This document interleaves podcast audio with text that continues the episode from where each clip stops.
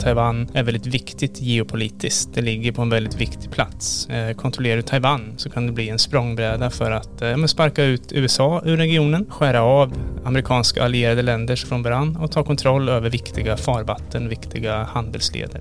Den som sa det var Joje Olsson och det här avsnittet handlar om Taiwan, om Kina är nära att invadera önationen, lärdomarna från Ukraina och hur taiwaneserna själva ser på sin prekära situation. När den amerikanska kongressens talman Nancy Pelosi reste till Taiwan i somras följde nästan tre miljoner människor hennes resa i realtid via tjänsten Flight Radar 24, ett nytt rekord. I samband med Pelosis besök ökade också spänningarna kring Taiwan med kinesiska militärövningar och amerikanska stridsfartyg runt ön. Många ställer sig frågan om en konflikt på Taiwan rycker närmre eh, eller om det går att förebygga ett krig. Vad kan Sverige och andra länder göra för att inte göra Taiwan till ett nytt Ukraina? Och vad tycker egentligen taiwaneserna själva om situationen? Om det här och mycket annat ska jag, Katarina Trärts och jag, Emanuel Urtengren tala om idag. Och med oss har vi Joje Olsson, journalist, som nyligen kom ut med friväderrapporten Taiwan i ljuset av Ukraina. Varmt välkommen Joje. Tack så mycket. Jag tänkte att vi skulle börja med att gå tillbaka lite i historien, för att det behöver man göra för att förstå Taiwans eh, speciella status. I väldigt breda drag, hur skulle du säga att Taiwans förhållande till Kina eller fastlandskina har sett ut sedan kommunistpartiet eh, tog makten i Peking 1949? Och vilken roll har USA egentligen spelat i relation till Taiwan? Ja, för att göra en eh, väldigt eh, lång historia kort då, så kan man väl påpeka att nationalistpartiet, Kuomintang under Chiang Kai-shek, de erkändes ju aldrig besegrade i det kinesiska inbördeskriget. Så även fast de flyttade sin regering till Taiwan så gjorde de fortfarande anspråk på att eh, företräda hela Kina, att vara hela Kinas legitima eh, regering då. Och eh, samtidigt så fortsatte ju faktiskt även striderna i, praktiken. Man såg det var strider om öar ute i Taiwansundet. De båda mm. sidorna bombade varandra med artilleri ett par årtionden efter att inbördeskriget då tog slut, så att säga, när kommunistpartiet vann 1949.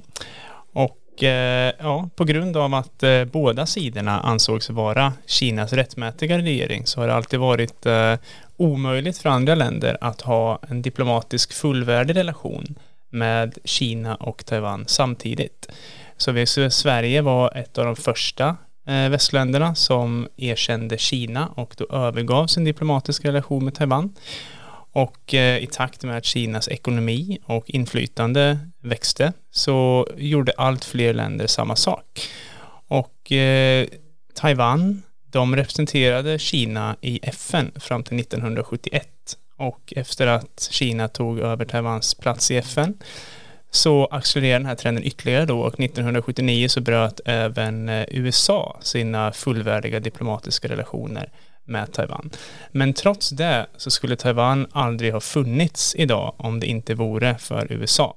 Därför att samtidigt som USA övergav den diplomatiska relationen med eh, Taiwan för att upprätta den med Kina så antog man i kongressen en lag som heter Taiwan Relations Act och enligt den lagen så ska man då från amerikanskt håll hjälpa Taiwan att försvara sig självt mot eh, ja, men yttre fiender då, som givetvis är Kina. Taiwan, det, det, har ju diskuterats eh, mycket medialt, inte minst sen, sen Nancy Pelosis besök som, som vi har varit inne på här. Men varför är egentligen Taiwan så viktigt för det kinesiska kommunistpartiet? Eh, vad är det för risker man ser med, med Taiwan i dess nuvarande form men också med en eventuell kinesisk invasion? Ja, man kan notera att eh, kinesiska kommunistpartiet har ju eh, rättfärdigat sitt maktmonopol med olika argument i olika eh, tider då. Under Mao Zedongs tid vid makten, då var det ideologisk renlärighet som gällde. Då ville man då ja, leda, om inte en eh, världsrevolution, så i alla fall spridandet av kommunismen internationellt. Sen efter att Mao Zedong gick ur tiden och Deng Xiaoping tog över, ja det var ekonomisk utveckling som eh, kommunistpartiet använde för att rättfärdiga sin maktställning.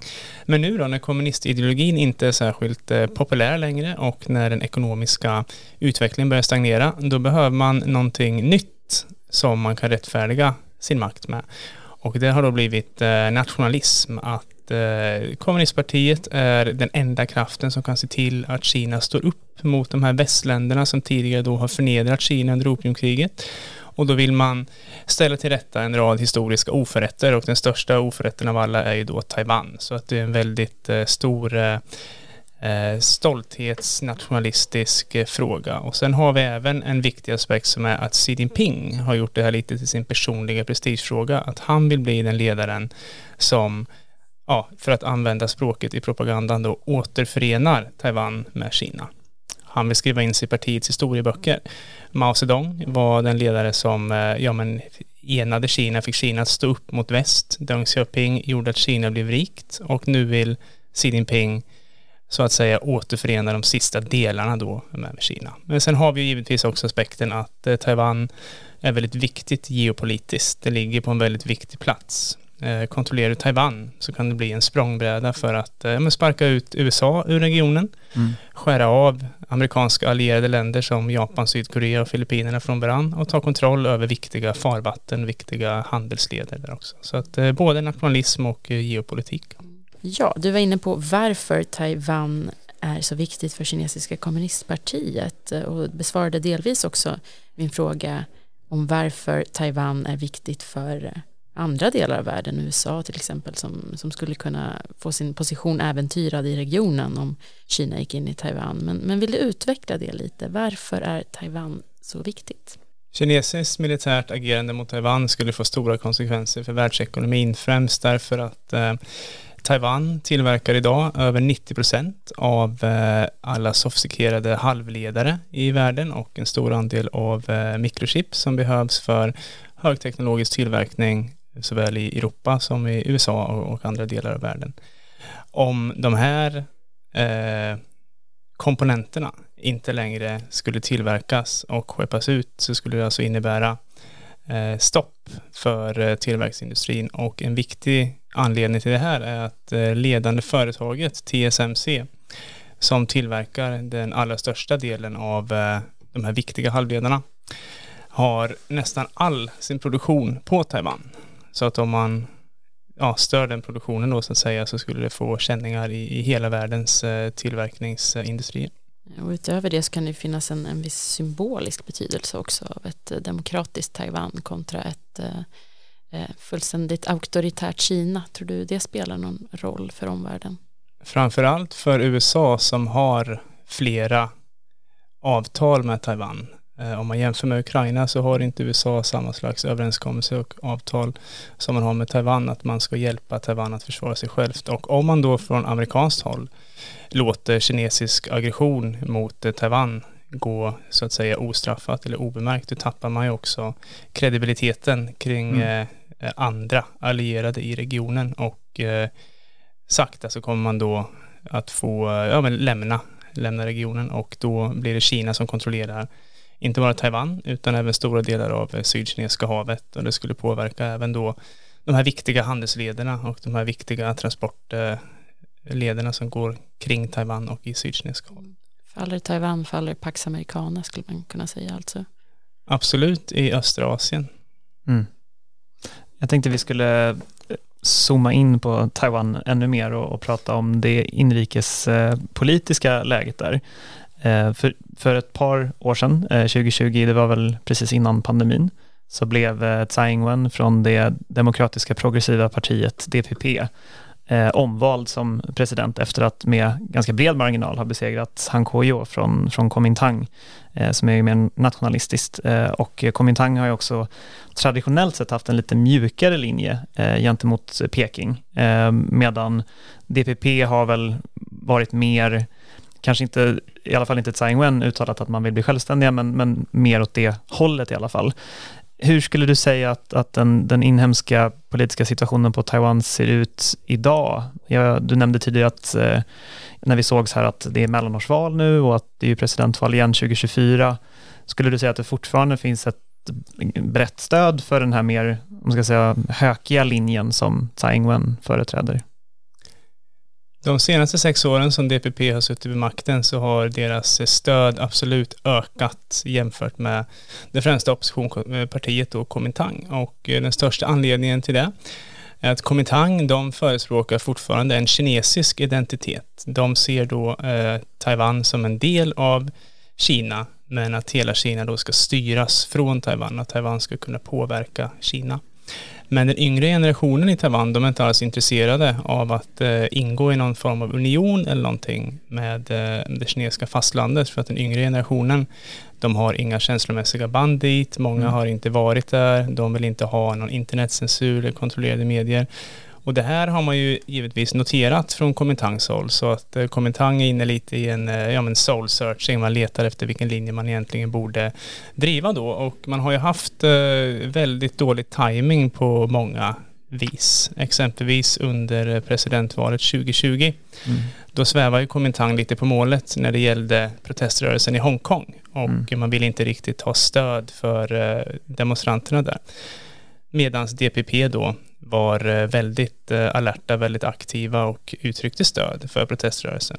Och nu senast då efter de här militärövningarna som hölls efter Nancy Pelosis besök på Taiwan, då skickade KMT en eh, delegation till Kina precis efter det. Och det var också någonting som inte riktigt gick hem i folklagren på Taiwan för att uttrycka det milt.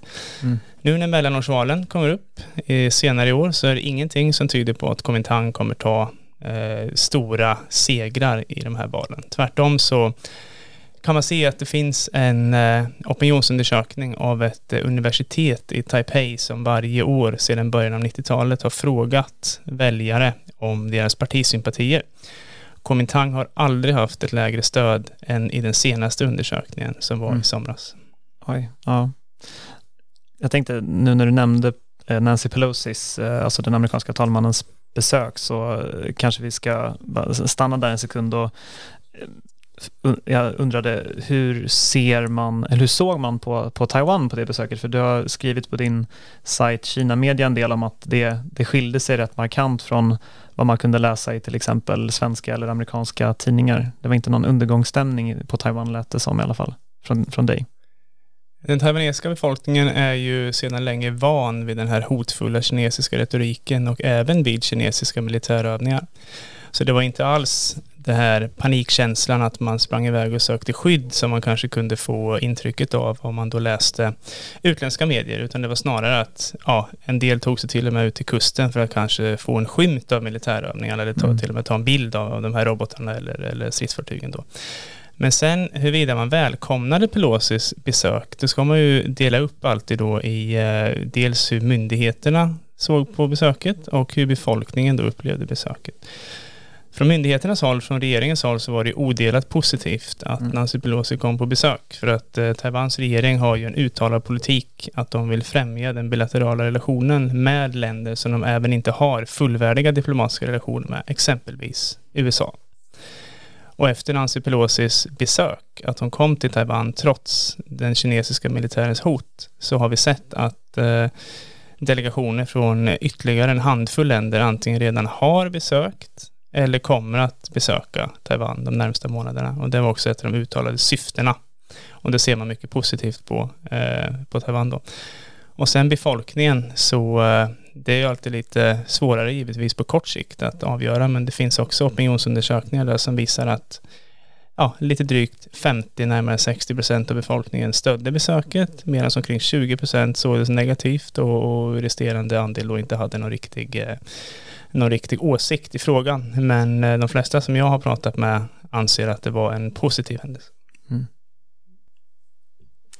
I din frivärdrapport som kom ut här i början av sommaren, Taiwan i ljuset av Ukraina, eh, så skriver du om olika lärdomar som Taiwan har dragit av den ryska invasionen av Ukraina. Eh, bland annat att eh, förlänga den obligatoriska militärtjänstgöringen och satsa stora summor på asymmetriska förmågor för att stå emot en kinesisk attack. Man, man pratar ofta om ett, att Taiwan satsar på ett så kallat igelkottsförsvar. Sen dess då, finns det några andra lärdomar som Taiwan har dragit av den ryska invasionen och eh, kanske framförallt av Ukrainas motstånd mot den. Det här med att man vill satsa mer på ett asymmetriskt eh, försvar än som tidigare att då främst köpa dyr amerikansk militär hårdvara som stridsvagnar och stridsflygplan. Det är någonting väldigt viktigt och eh, tillsammans med det då så har man också börjat diskutera att eh, förlänga den eh, obligatoriska värnplikten, militärtjänstgöringen, från fyra månader till ett år.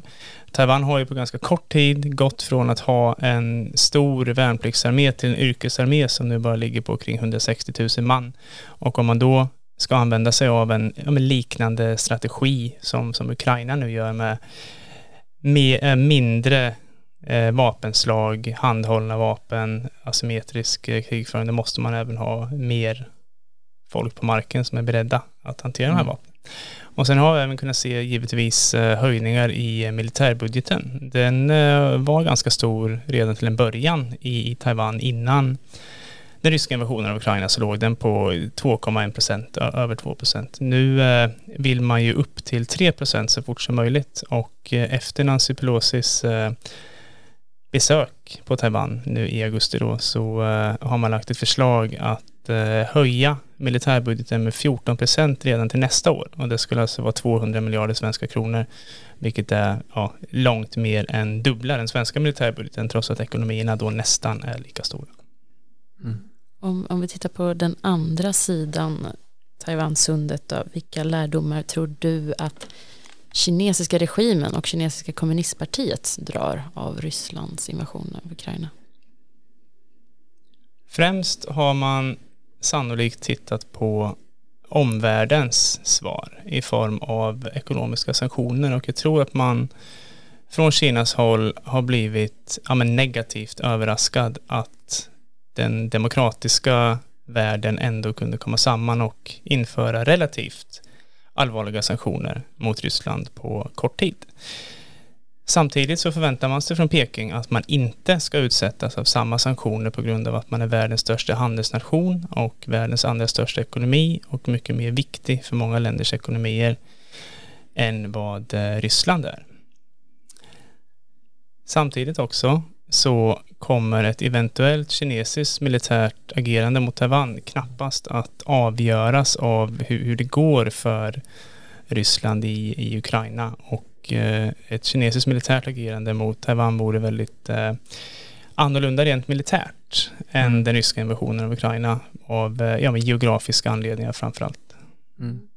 Jag tänkte att vi ska komma in på det lite mer men, eh, men dessförinnan man, man brukar prata om att Kina har ett, ett väldigt långt tidsperspektiv. Ryssland är ett annat sånt land som man brukar prata om som liksom har det här strategiska tålamodet men Tror du att vi nu drygt sex månader in i Ukraina-kriget kan liksom se att Kina ännu har dragit några lärdomar eller hur, hur länge tror du de, de väntar innan de gör det? Dragit lärdomar av kriget i Ukraina? Ja, precis. Jag tror att eh, de, eh, det man tittar allra närmast på det är det här med eh, omvärldens svar med ekonomiska sanktioner. Man har ju givetvis noterat att eh, inga andra länder har skickat militär till Ukraina. Men samtidigt i och med att eh, Taiwan rent krasst uttryck på många vis är viktigare än Ukraina så kan man nog inte från kinesiskt håll ta det som intäkt för att det inte kommer någon utländsk trupp till, eh, till Taiwan. Så jag tror att det man tittar främst på eh, är det här med sanktionerna. Rent militärt så är situationen geografiskt och strategiskt så pass annorlunda att det är nog svårt att dra några direkta lärdomar. Mm. Ja, det kanske är hur länge sanktionerna håller ut också som kommer bli avgörande där. Ja, eh, men ändå då att man ja, tror att man ska vara förskonad från dem själv i och med att man är så pass mycket viktigare ekonomiskt. Mm. Och eh, det finns det ju fog för också i och med att eh, man har ännu inte diskuterat inom EU hur man kommer agera mm. vid en eventuell kinesisk attack mot, mot Taiwan. Och det har man ju också noterat från kinesiskt håll att eh, det inte pågår någon sån diskussion vare sig inom EU eller inom många nationella regeringar. Mm. Men om, om man vänder på steken, och vi talade ju tidigare om hur, hur man reagerade på Taiwan eh, under sommaren i samband med, med Pelosis eh, besök. Hur har man reagerat i Kina i, i, bredare lager så att säga än bara statsledningen på, på det här besöket och efterspelet? Har man, eh, är det så att to, tonen eh, har, har hårdnat ännu mer eller har man backat ner sen efter besöket? Kina gick, åt, gick ut väldigt hårt för att försöka stoppa Pelosis eh, besök på Taiwan. Man såg ju direkt som en röd linje att om Nancy Pelosi åker till Taiwan, då är det många andra länder som också kommer skicka högt uppsatta tjänstemän eller delegationer dit. För att det blir lite som en ny normalisering av att högt uppsatta tjänstemän åker dit. Mm. Men sedan de här hoten inte fick verkan, då har man ju också då från kinesiskt håll lite grann målat in, om inte målat in sitt hörn, så i alla fall piskat upp nationalistiska stämningar. Mm. Där det har skapats en förväntan bland befolkningen som nu kanaliseras ut på framförallt sociala medier, där man då tycker att ja, partiet är så svagt. De har ju sagt att de skulle stoppa den här, eh, det här besöket. Men ändå gör de ingenting. De, de kan bara prata. Och eh, censuren då på Kinas sociala medier och mikrobloggar har fått gå på, eh, på högvarv därför att i flera sammanhang av otaliga internetanvändare så har partiet fått kritik för att man då inte agerar ut efter sin egen retorik och att man inte verkställer sina egna hot. Så det är verkligen mm. ett bra exempel på hur den här nationalismen som kommunistpartiet under Xi Jinping har börjat prioritera för att styra Kina verkligen är ett svärd och kan ja, komma tillbaka och bita regimen i svansen helt enkelt. Mm.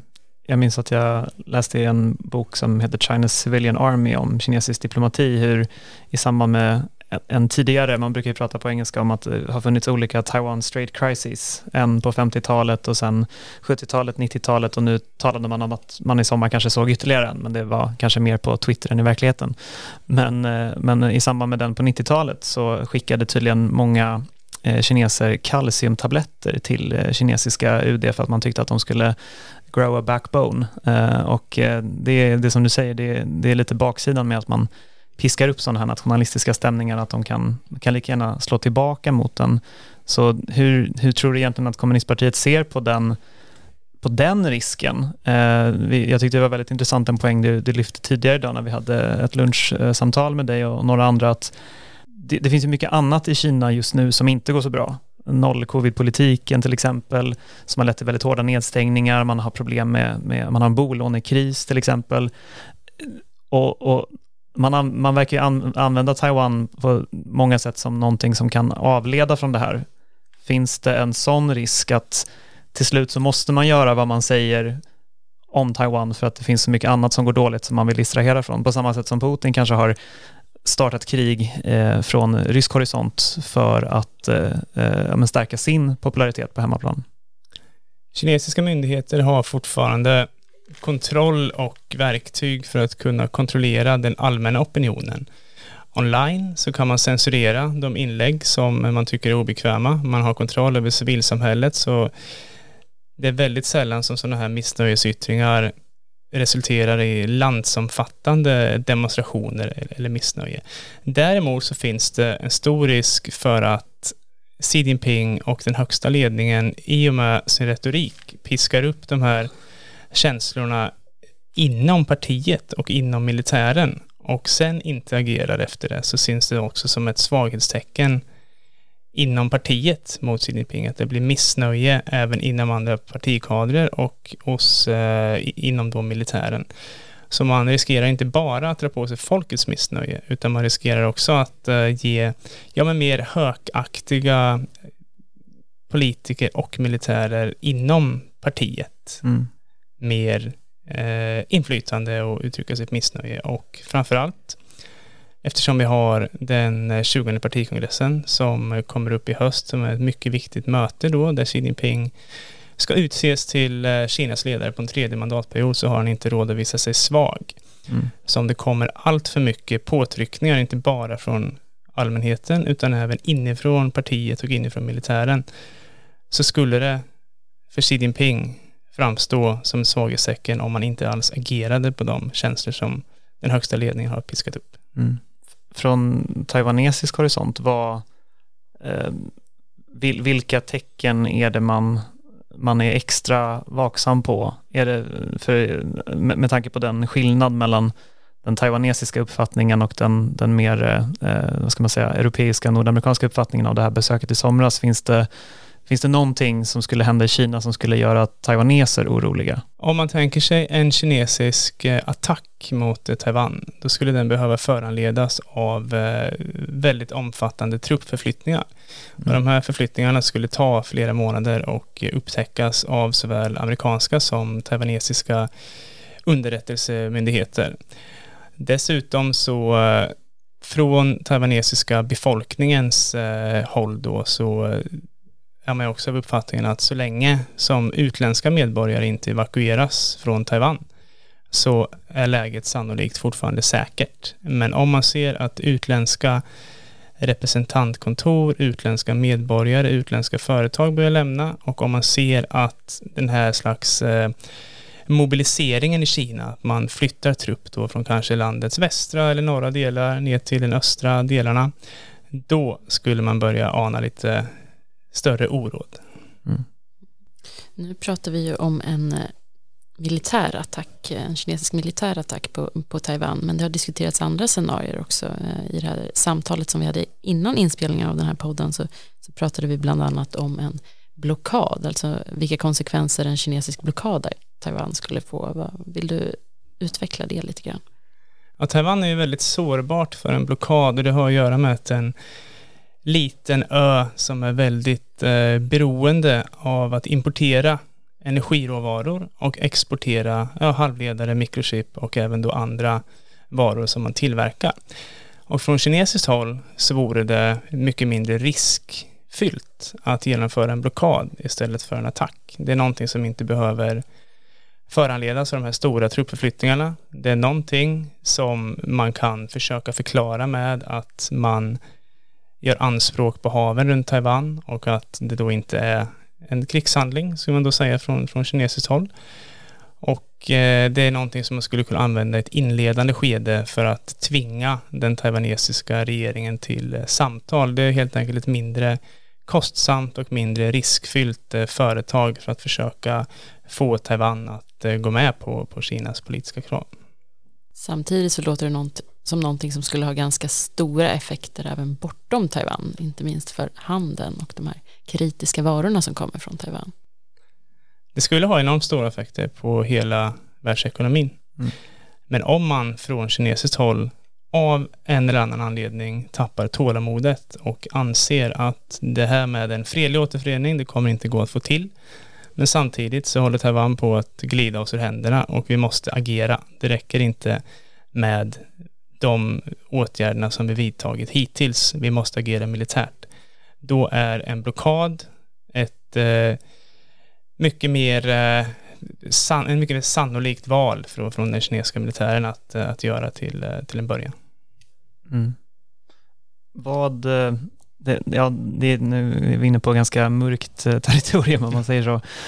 Men, men vad, vad kan Eh, Sverige eh, och andra demokratiska länder egentligen göra för att försöka förebygga ett sånt här scenario för att, för att stötta Taiwan? Och det har ju som, som du har nämnt, vi har ju åtminstone tre skäl att göra det. Det första är att det är en, ändå Asiens, eh, enligt vissa mätningar, starkaste demokrati och att det är ett egenvärde i sig som är värt att försvara. Eh, vi har en, för ur amerikanskt perspektiv så är det ju ett land som hela det amerikanska allianssystemet står och faller med och sen de, de här ekonomiska skälen. Så om man, om man tar fasta på alla de argumenten och skälen till varför vi bör stödja Taiwan, hur, hur kan vi göra det på bästa sätt? Till att börja med så måste man ju börja diskutera frågan. Idag mm. finns det ingen diskussion, eh, omfattande diskussion inom EU eller inom eh, enstaka regeringar i Europa hur man egentligen då skulle agera om Kina skrider till verket och attackerar eller blockerar Taiwan. Mm. Så den här eh, avsaknaden av eh, diskussion gör ju att Kina antar att kostnaden att invadera Taiwan, både ekonomiskt och politiskt, inte blir särskilt stor. Mm. För att avskräcka en kinesisk eh, invasion eller en kinesisk blockad av Taiwan, då måste man tydligt klargöra för Kinas ledning att en sån handling skulle inte gå ostraffat, det skulle inte gå obemärkt förbi. Och under tiden så kan man ju givetvis också hjälpa Taiwan att utveckla sin försvarsförmåga på olika vis. Det kan handla om eh, ja, men saker som cyberkrigföring eller elektronisk krigföring som då inte är så att säga offensiva vapen. Mm. Samtidigt så, ja, från europeiskt och eh, svenskt håll så kan man ju också göra sig mindre beroende av eh, strategiska varor och strategiska produkter från kinesiskt håll eftersom allt beroende av Kina när det kommer till jordartsmetaller eller när det kommer till eh, infrastruktur, vindkraft, allt sånt där kan användas som en slags eh, hävstång mot Europa, precis som Ryssland använder gasen som hävstång idag. Mm. Och eh, slutligen då så eh, vore det också en bra idé om eh, svenska och europeiska universitet eh, och företag såg till att den här tekniköverföringen till Kina upphörde. För mm. att som det ser ut idag så har vi dokumenterat i flera undersökningar att såväl svenska som europeiska och andra västländska universitet ägnar sig åt ja, väldigt omfattande forsk forskarsamarbeten med kinesiska forskare som är ja, bundna till landets militär. Och när de då åker tillbaka efter att ha forskat om sådana här eh, dubbla användningsområden som exempelvis drönare eller artificiell intelligens eller eh, radarsystem som kan användas både civilt och militärt. När de mm. åker tillbaka till Kina, då går den kunskapen direkt in i Kinas militär och förbättrar deras kapacitet. Och mm. det är också någonting som påverkar oss negativt vid en konflikt om Taiwan. Mm. Så att stärka vårt eget försvar och vårt eget skydd av exempelvis intellektuella rättigheter kan vara ett sätt att också hjälpa Taiwan. Absolut, och ett sätt att eh, se till att den kinesiska militären då inte kommer upp till exempelvis eh, amerikansk eller annan västerländsk militärs kapacitet inom, inom flera områden. Eh, den som sa det var Jojje Olsson som är journalist och författare till frivärdrapporten Taiwan i ljuset av Ukraina och eh, han driver också sajten Kina Media. Du har också hört mig, Katarina Tratsch och Emanuel Örtengren i den här podcasten från tankesmedjan Frivärd. Rösten ni hörde i början tillhör Dino Ekdal och det är också Dino som har gjort bearbetningen. Podden finns där andra poddar finns, till exempel Apple Podcast, Spotify eller Acast. Och när du väl är inne där så tryck gärna på prenumerationsknappen så att du inte missar något avsnitt. Och kom ihåg att Sverige och friheten är värd att försvara. Motståndet upphör aldrig.